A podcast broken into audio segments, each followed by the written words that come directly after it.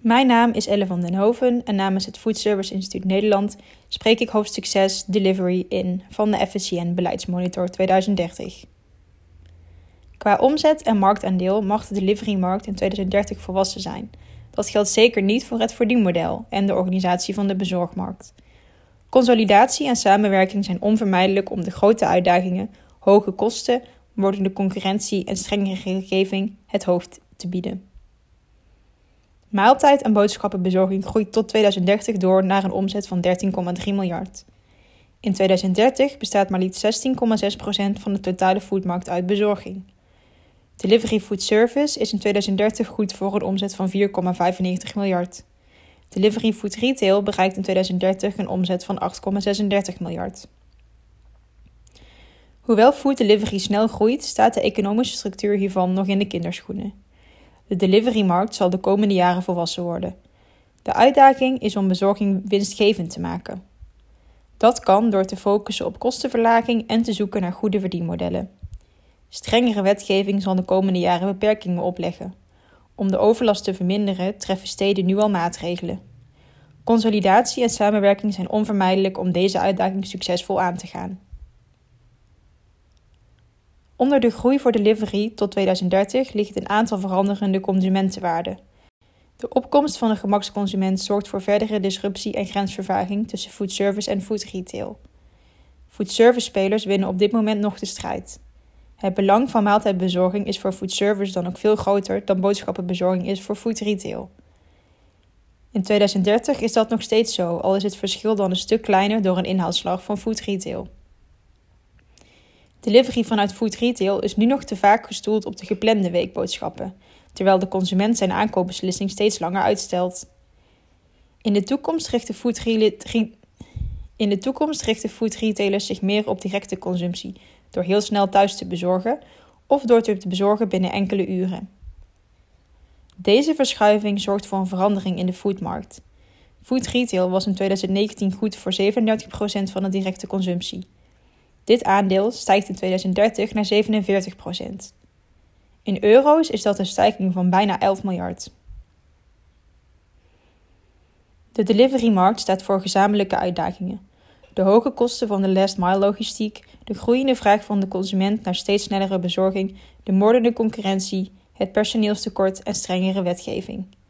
Er zou veel meer moeten worden samengewerkt om die uitdagingen het hoofd te bieden. Dit wordt co-opetition genoemd Samenwerking met de consument om samen de markt groter te maken in plaats van te focussen op marktaandeel. Het is een gevoelig thema, maar bijzonder actueel en passend bij een markt zoals delivery. Wetenschappers Brandenburger en Nalebuff ontwikkelden een Value Net Model dat bedrijven helpt om te beslissen of ze wel of niet zouden moeten willen samenwerken met hun directe concurrenten. Volgens hen kunnen bedrijven die dit intelligent inzetten een belangrijk voordeel behalen. Het model is relevant voor food delivery omdat het samenwerkingsvraagstuk zeer actueel is.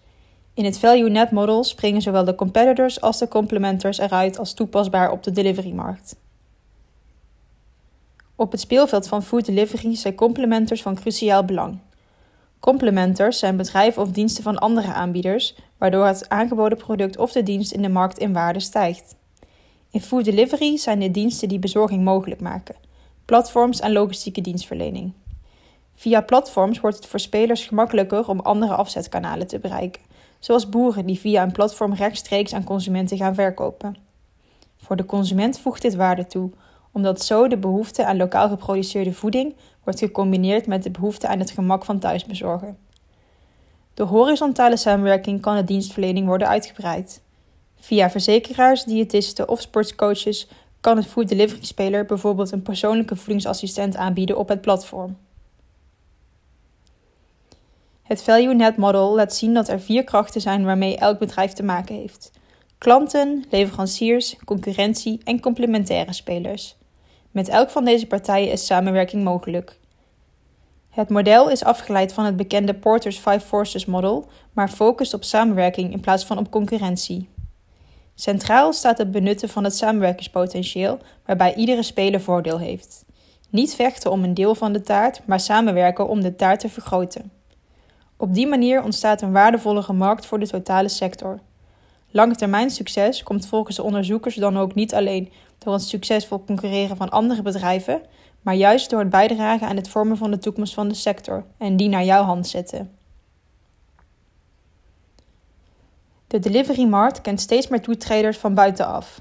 Door technologische ontwikkelingen zijn kansen ontstaan voor nieuwe pure players. Deze spelers opereren alleen digitaal en hebben geen fysieke winkels. Vaak hebben zij slechts één app waarmee de consument bestellingen kan plaatsen. Deze nieuwe toetreders profileren zichzelf vaak als techbedrijf. Omdat zij de markt benaderen vanuit een ander oogpunt, zijn ze minder marktvast dan de gevestigde spelers en ligt uitbreiding naar andere kanalen voor de hand. Het zijn dan ook precies deze spelers die in de deliverymarkt kunnen zorgen voor vergaande blurring tussen foodservice en foodretail. Samenwerkingskansen zijn legio. De groei van bezorgplatforms zoals thuisbezorgd.nl gaat sneller dan de groei van bezorgketens of andere restaurants. Binnen de bezorgmarkt neemt de dominantie van platforms daardoor toe. Tussen 2016 en 2021 groeide het marktaandeel van bestelplatforms van 30% naar 42% en de groei zal tot 2030 verder doorzetten. De macht van platforms is zeer sterk aanwezig en biedt ook kansen voor samenwerking. Marktleider thuisbezorgd.nl verkent de mogelijkheden van boodschappenbezorging. Supermarkten zullen een antwoord moeten verzinnen op acties van flitsbezorgers, maar hun logistieke systemen zijn daarop niet ingericht. Er liggen kansen voor supermarkten als zij vanuit hun fysieke winkels gaan samenwerken met platforms. Ook speciaalzaken kunnen samen met platforms nieuwe afzetmarkten vinden, zonder zelf investeringen te hoeven doen in het bouwen van een platform. Het dienstenpalet van platforms zal sterk worden verbreed richting 2030. De coronapandemie heeft een boost gegeven aan de ontwikkeling van dark kitchens. De naam dark kitchen ontleent zich aan het feit dat er vaak geen sprake is van openlijk toegankelijke restaurants. Het zijn keukens op bedrijventerreinen of in geblindeerde panden in de stad. Het gaat vaak om merken die alleen op apps en in het virtuele domein bestaan. Dark kitchens hebben vanwege hun gesloten karakter lagere operationele kosten dan traditionele restaurants. Daarnaast richten dark kitchens alle processen zo efficiënt mogelijk in op bezorging. Ook met deze spelers zijn samenwerkingen denkbaar. Meerdere restaurants of concepten kunnen bijvoorbeeld gezamenlijk een keuken gebruiken. Of dark kitchens kunnen worden ingezet om maaltijden te leveren aan gemakswinkels.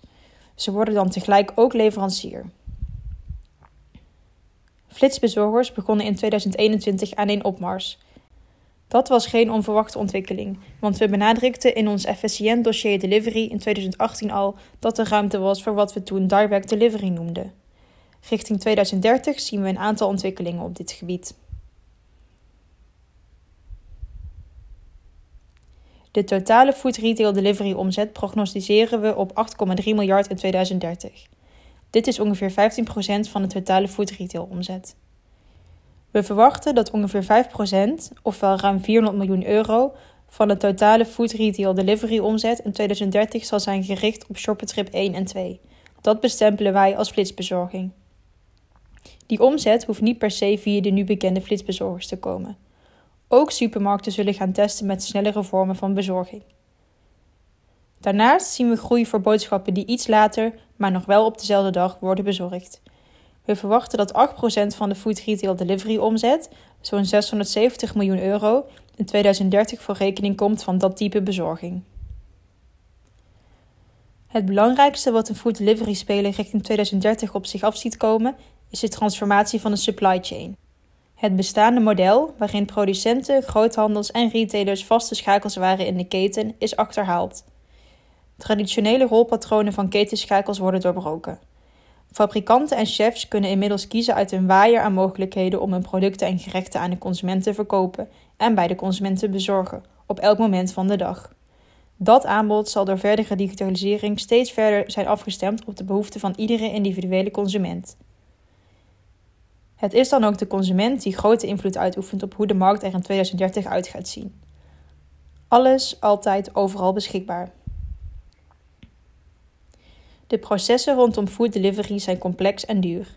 Samenwerking wordt op bepaalde vlakken noodzakelijk en nog belangrijker dan voorheen. Dit wordt niet alleen gedreven door kostenbesparing, maar ook door wettelijke bepalingen, zoals binnenstaddistributie. Food delivery spelers kunnen hun toegevoegde waarde vergroten door samenwerking aan te gaan met andere spelers binnen delivery. Eerst bepalen zij wat hun unieke kenmerken zijn om de concurrentiestrijd mee aan te gaan. Vervolgens kan een food delivery speler de shared values in de markt identificeren en daarop samenwerking ontwikkelen. Zo kan zelf voordeel worden behaald en kan de markt ook als geheel verder worden geholpen. Disruptieve bedrijven met een hoog techgehalte doen het goed bij investeerders. Snelle bezorging beantwoordt bovendien aan een grote behoefte bij een deel van de consumenten. In de afgelopen periode werden miljarden euro's geïnvesteerd in onder meer pure players Picnic en Crisp en in flitsbezorgers Gorilla's, Getir en Flink. De zogenoemde dark stores verbreiden zich als een olievlek over het land.